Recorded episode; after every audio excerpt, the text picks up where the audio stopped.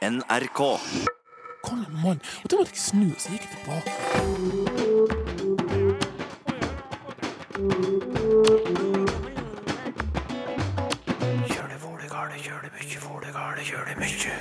Norsk språk er under press, slår ny tilstandsrapport fast. Men hvor kommer presset fra framover? Det skal ei ekspertgruppe finne ut av. Vi skal jo på mange måter tegne et slags værkart over hvordan situasjonen for norsk språk vil se ut de neste 5-10-15 årene. Og det blir jo litt som å, å spå i en kule. Og vi skal på bærtur, for skandinaviske bær byr på en utrolig navnerikdom. Ta for eksempel blokkebæret. Skinntryte, mikkelsbær, bøljon, pungbær og mosebølle. Fritt for ei tue, og vel møtt til Språkteigen.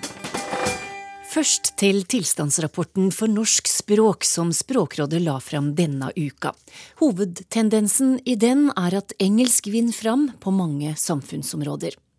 Noe som uroer Språkrådet spesielt, er at barn og unge i for liten grad møter norsk i den nye mediehverdagen. Um, Cisco, Counter-Strike, Global Offensive. Counter-Strike er et skytespill der du spiller og kommuniserer med folk i hele verden. Og da går det helst i Engelsk. 15 år gamle Markus Kristoffersen brukte fredagsettermiddagen i spelehallen på House of Nerds i Oslo. Jeg syns det er veldig deilig å ha de på engelsk, men det er fint med noen på norsk også for folk som ikke er like gode i engelsk. Tvillingbror Mats velger også helst engelsk.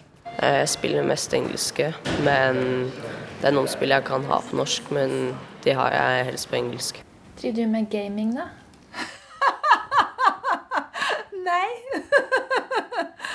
Nei. Overhodet ikke. Direktør i Språkrådet, Åse Vetås, er korkje en ivrig gamer eller YouTuber. Henger du på YouTube? Det gjør jeg kanskje bitte litt av og til, men det er fordi jeg har barn. Og det er barn og unge hun er bekymra for.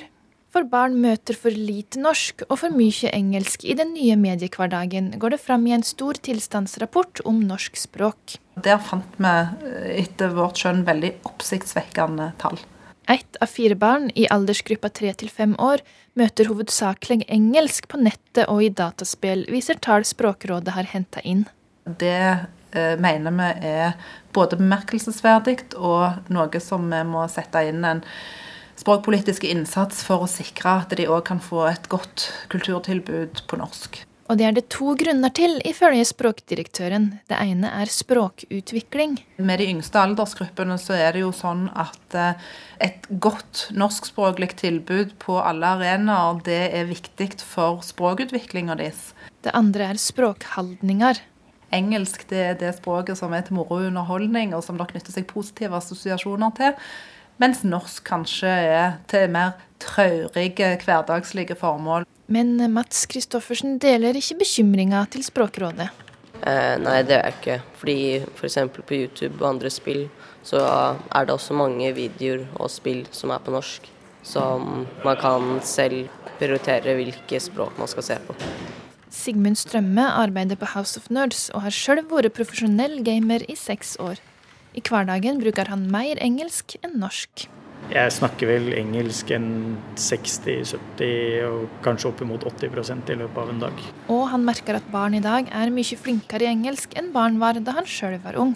Jeg ser egentlig bare som positivt at barn lærer seg to språk istedenfor ett. Ja, for det er vel bra å lære seg engelsk? Det er klart det er bra at barn og unge lærer seg engelsk, men for de som da har norsk som sitt førstespråk, så trenger de å ha ei god, sikker, trygg språkutvikling på det, og så lære seg andre språk etter hvert. Det sa direktør i Språkrådet, Åse Vetås, til reporter Sigrid Sørumgård Botheim. Og i kjølvannet av denne rapporten så har Språkrådet satt ned et ekspertutvalg som skal peke ut de samfunnsområda der det i det kommende tiåret vil være viktig å sette inn språkpolitiske tiltak. I det utvalget sitter annet du, Terje Londal, professor i engelsk ved NTNU i Trondheim, og dette er jo litt av en oppgave, da? Ja, det er en veldig stor og omfattende oppgave. Vi skal jo på mange måter tegne et slags værkart over hvordan situasjonen for norsk språk vil se ut de neste 5-10-15 årene. Og det blir jo litt som å, å spå i en kule, men uh, det vi kommer til å prøve å gjøre, er jo å se om hvordan er det mulig å identifisere de utfordringene som vi kan med noen sikkerhet iallfall tro at språket vil stå ovenfor. Har du allerede noen, noen formening om hva det kan være? Ja, Det er jo veldig tidlig å foregripe noe av det utvalget sikkert kommer til å, å konsentrere seg om. Eh, men noen ting er jo relativt slående av de endringene som har skjedd. Vi har fått et helt annet medielandskap eh, i Norge. Eh, folk ser mye mindre på TV i det hele tatt, og det er ikke minst norskspråklig TV. Avisene sliter. Det gjør at vi blir eksponert sannsynligvis for mindre norskspråk i avisene. Ehm, så det er en side av, av, de tendensene vi ser i tiden. En annen side har jo å gjøre f.eks. med arbeidslivet og en relativt stor arbeidsinnvandring, særlig i bygg- og anleggsbransjen. Eh, der finnes jo arbeidsplasser som i stor grad har innvandrere som ikke behersker verken norsk eller engelsk. Og det presenterer jo en rekke språklige eh, utfordringer og i neste omgang sikkerhets- og eh, sosiale konsekvenser for bedriften. Så det er jo to områder eh, som vi ser at her har nok situasjonen endra seg siden eh, stortingsmeldinga Mål og mening ble lagt frem i 2008, som jo har siden danna grunnlaget for mye av norsk eh, språkpolitikk. Og så er det helt sikkert mange andre områder som ikke vi ser foreløpig, men det er altså det vi skal prøve å utrede det neste året. Er du like bekymra som Språkrådets direktør for det presset norsk språk er utsatt for? Nei, Personlig er jeg kanskje ikke like eh, bekymra. Jeg tror kanskje ikke at engelsk er en like stor utfordring på alle områder eh, som Språkrådet kanskje av og til tror. Eh, men det tenker jeg er noe man må gå inn i dette arbeidet med et litt åpent eh, sinn om og, og, nettopp se på. Et viktig spørsmål er om er det sånn at norsk taper for engelsk eller andre språk på viktige domener i arbeidslivet generelt. Uh, og det kan tyde på at i bygg- og anleggsbransjen så har man en utfordring som ikke er knytta til engelsk, men som er knytta til andre språk. Og så vet vi at barn og unge bruker mye mer engelsk enn de gjorde før. Uh, men det går jo an å se på det som et viktig supplement eh, til all den norsken de også tross alt blir eh, eksponert for. Sånn at eh, man kan tenke at begge to har en verdi og er en rikdom rent språklig sett. Så det er òg noe det kommer til å, å, snakke om da i utvalget? Jeg tror absolutt at den, den, det flerspråklige Norge, for å kalle det det, blir et viktig tema i utvalget, uh, utvalgets arbeid. Hvordan møter vi den flerspråkligheten? Hva skal Språkrådet eventuelt gjøre for å møte den flerspråkligheten? Jeg tror jo også at noe av oppgaven vår vil handle om å gi råd til uh, Språkrådet om hva de bør bruke ressursene sine på. De har jo et, en, et gitt antall ressurser og stillinger de bruker, og spørsmålet er svarer de den ressursbruken til de utfordringene vi ser i det norske språklandskapet. Um, og de svarer nok i stor grad på det som står i stortingsmeldingen Mål og mening. Spørsmålet er om de svarer til det som har skjedd i løpet av den tiårsperioden som har gått siden. Og det er jo det vi i stor grad skal, uh, skal prøve å gi råd om. Bør Språkrådet rigge seg på en annen måte for å best mulig møte de utfordringene som norsk språkpolitikk står overfor? Men er det mulig å møte eh, språkpåvirkning med politiske tiltak? Det er et veldig godt spørsmål. Um, generelt er det jo veldig vanskelig å styre uh, språkets egen utvikling. Uh, men det som kan gjøres, er jo å legge til rette for at f.eks. det finnes ressurser på norsk språk, at det finnes riktig opplæring for de som ønsker å lære norsk språk. Sånn som det er i dag, så har jo arbeidsinnvandring fra EØS-land verken rettighet eller plikt til å lære norsk. Eh, og man, kan jo tenke seg at kanskje det er noe vi burde gjøre bedre. Og det vil jo være en måte å styre noe av de tendensene vi ser i tida på, at vi legger til rette for at det finnes et valg, og at det finnes eh, muligheter for de som ønsker å bruke norsk eh, i settinger der det kanskje også finnes andre alternativer. Det sa Terje Londal, som sitter i et ekspertutvalg som altså skal finne ut hvor det er viktig å sette inn språkpolitiske tiltak det nærmeste tiåret.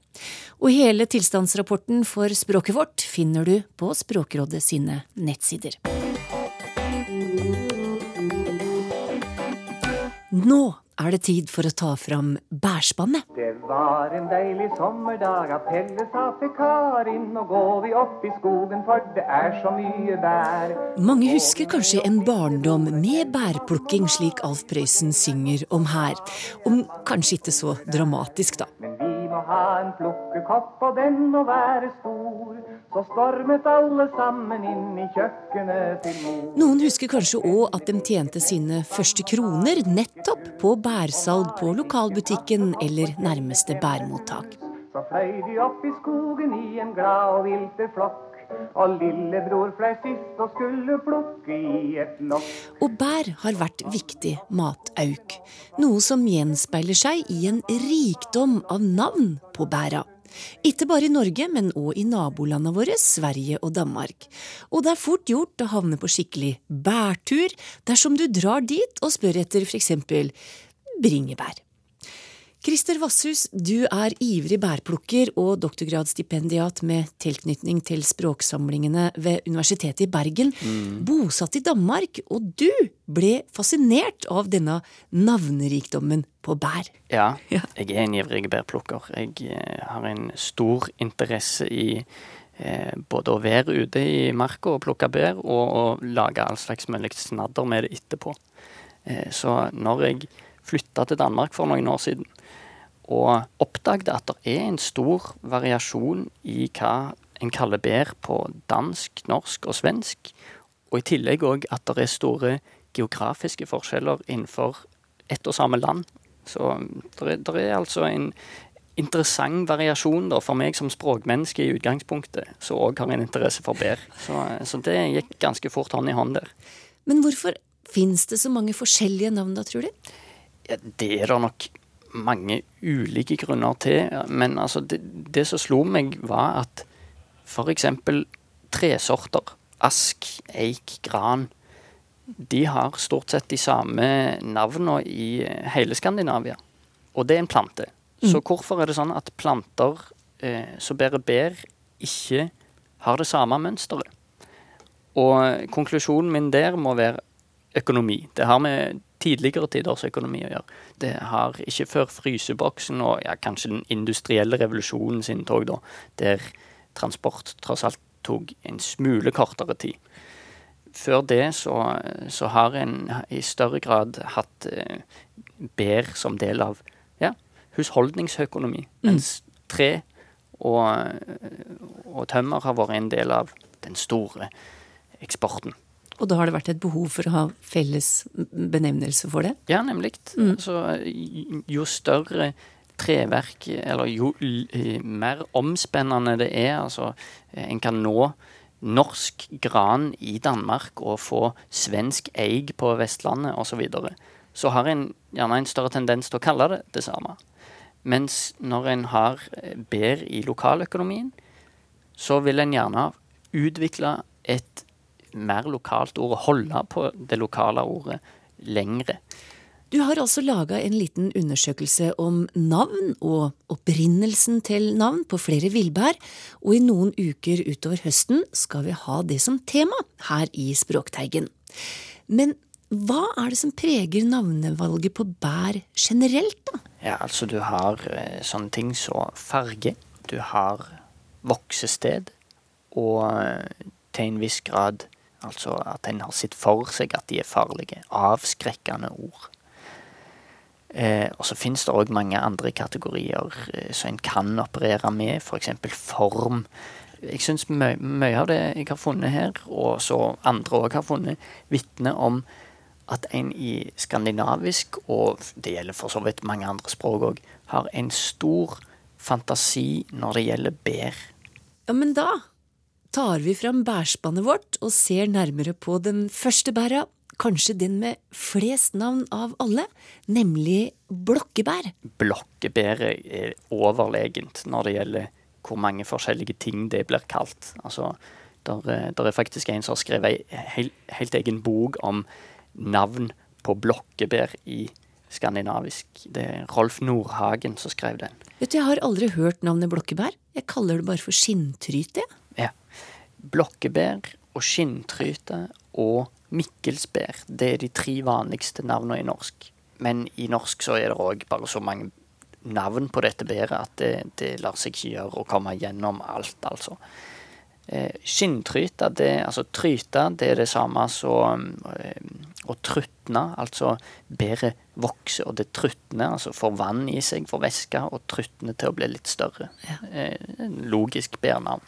Skinn har å gjøre med at blokkebæret har, eller skinntryta har, et ganske kraftig skinn. Og, og det er òg grunnlaget for eh, noen av de svenske navnene og mange andre dialektnavn. Blokkebær, det mener jeg bestemt har å gjøre med et norrønt år som heter bladka, altså et lite blad. Og det gir mening hvis en tenker på at eh, eh, for det første så har bladene en karakteristisk form, men det er òg den eneste lyngplanten som holder på bladene vinteren gjennom. I dansk så kaller de det for mosebølle. Og eh, bølle det igjen har med å bule ut. Eh, og mose det har å gjøre med at de vokser i myra. Mose på dansk betyr myr. sant? Og eh, i svensk så har vi ord som for eksempel eh, svartbær og bøljon. Pungbær. Pungbær det har å gjøre med formen. De ligner på en pung altså testikler, faktisk, er grunnlaget for bærnavnet. For bæret har en karakteristisk form. I noen områder så er den mer tydelig enn i den, i fall den vestnorske versjonen som jeg kjenner. Den, der ligner de stort sett på eh, blåbær, altså. Mm. Mens eh, andre steder har jeg sett at de, de, ligner virkelig på de der litt avlange testiklene en ser hos, eh, hos dyr. Men når dette, her, dette bæret her har så mange navn, altså kjært barn har jo mange navn, sies det, men er det mye brukt i matlaging, da? Det, det tror jeg ikke det er, altså. Og i enkelte områder ut fra de navnene som jeg ser her, så er det helt åpenbart at de ikke har sett på bæret som spiselig i det hele tatt. Noen plasser, eller noen navn er sånn direkte avskrekkende. Kjerringbær, eksempel. Kjerring blir alltid brukt i bærnavn som noe du ikke skal spise. Trollbær òg. Um, og det mest vanlige navnet i svensk, det er odon. Od det er det samme som i Odin og betyr sint eller rasende. Uh, det kan òg bety brunstige eller um, bare sprø og galen. En må da se for seg egentlig at en har Enten så har en trodd at bæret var rett og slett hallusinerende. Eller så må en ha brukt det til å lage vin eller smaksatt mjød eller eh, noe sånt. Skal vi ta med noen multer i spannet òg, Christer? Ja. Det er òg et bær som har ganske stor dialektvariasjon. Det norske ordet molta, eller multa, det har sammenheng med det engelske ordet to melt, altså verbet melt. Og melte, som òg var et eh, verb tidligere i, eh, i vår språkhistorie.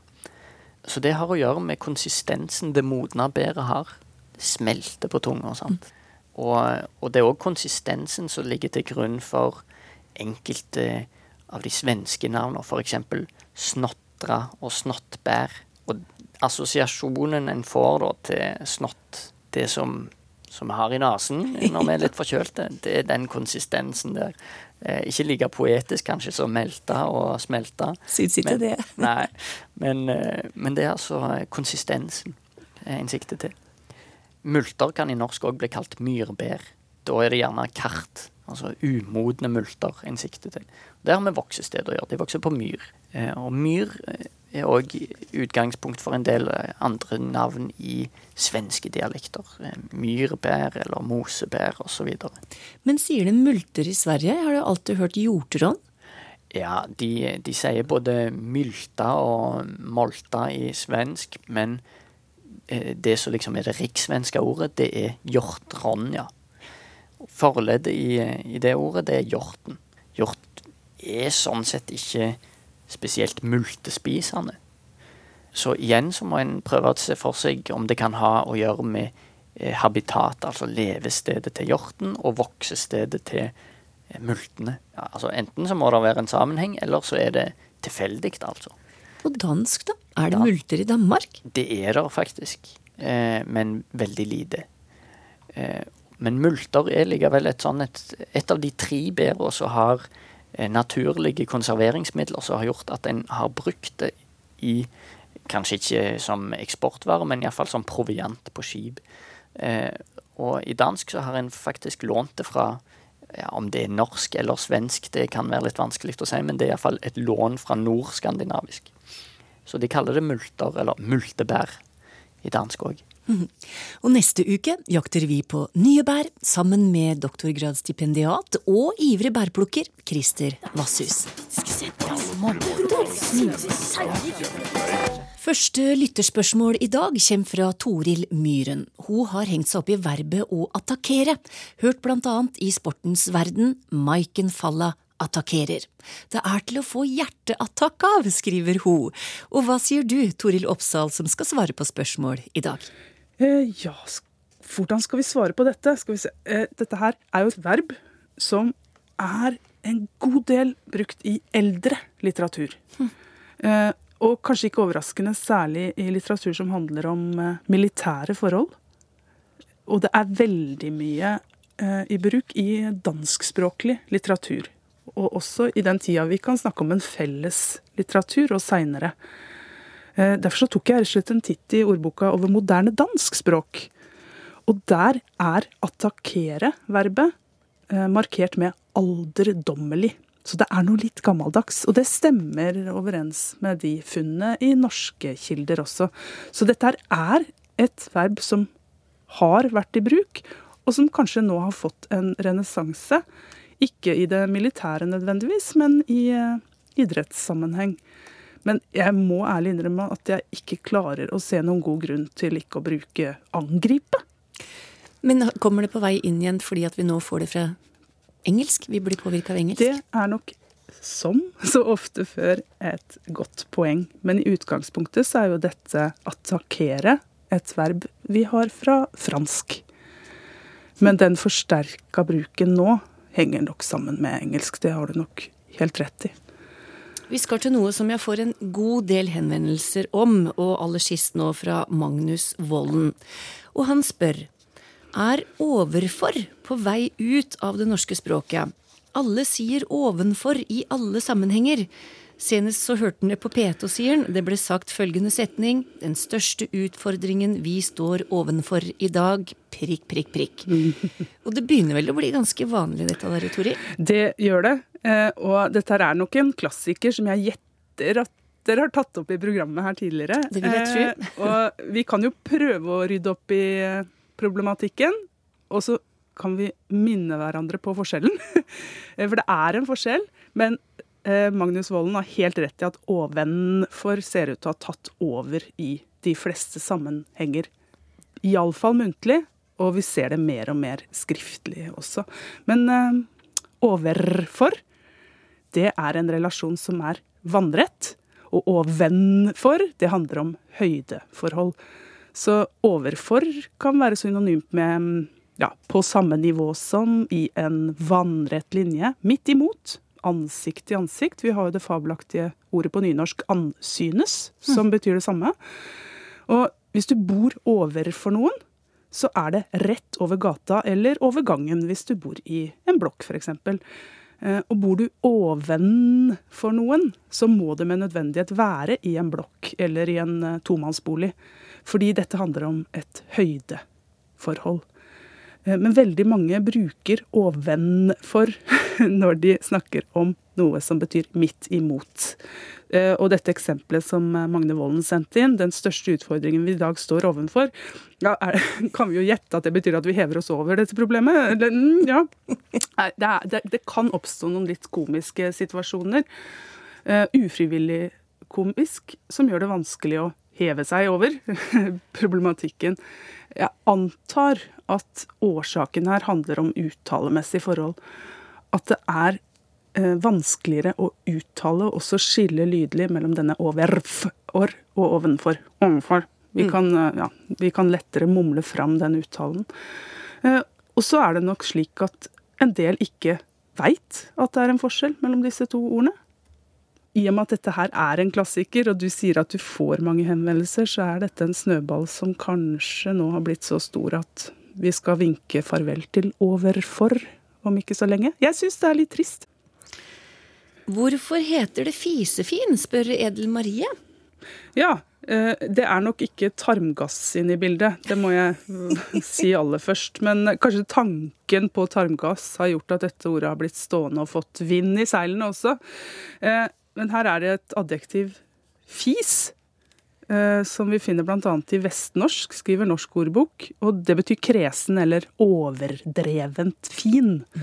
Og det er det du er når du er fisefin. Og dette her har vi trolig fått, som veldig mye annet, fra nedertysk. Og dette her forleddet fis det finner vi også i andre sammensetninger, der det betyr upålitelig eller verdiløst, eller noe sånt. Sånn som i fisevarm om lunka vann.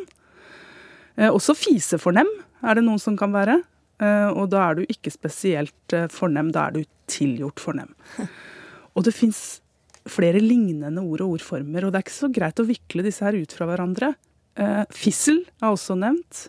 Og det finnes et verb å fise som betyr å smiske eller å innynde seg. Og det kan jo også passe i sammenheng med å være fisefin. Det jeg syns er litt interessant, er at denne vestnorske tilknytningen. Det er at fisefin dukker opp relativt ofte i beskrivelse av bergensk. Uh, og noen oppfatter det som et bergensk ord. Og, og, nå skal ikke jeg si noe om bergensere, det er ikke det som er mitt poeng her. Men det som er mitt poeng er at dette her er jo et ord som er mest aktuelt i veldig tydelige lagdelte samfunn. Og det finner vi i byene. og er du fisefin og tilgjort, så, så, så, er det fordi du prøver å bevege deg i et sjikt hvor du kanskje ikke hører hjemme, eller hvor du vil gjøre et stort nummer av at du hører hjemme. Jeg har fått høre at den aldri skal sette infinitivsmerket å foran noe annet enn infinitivsformen av verbet. Det skriver Bjørn Einar Strandberg. Men så har han funnet følgende overskrift. En redningsleder som er sitert, og hvor det står følgende Vi risikerer ikke å kunne redde liv. Mm. Altså han frykter at menneskeliv kan gå tapt. Mm. Er det på sin plass her å bryte regelen, spør Bjørn Einar. Ja, Bjørn Einar Strandberg han har, som veldig mange andre, på et eller annet tidspunkt lært at dette her er en regel. Og i noen stilistiske sammenhenger skriftlig, så er det nok en norm eh, å ikke Hørte du hva jeg sa nå? Ja. Plassere noe mellom infinitivsmerket og verbet. Men det har vært utbredt i muntlig tale, også i eldre tekster, veldig lenge. Og det er ikke feil å plassere et kort ledd mellom infinitivsmerket og, og verbet. Men dersom du har veldig lange innskudd, så bør du nok prøve å unngå det.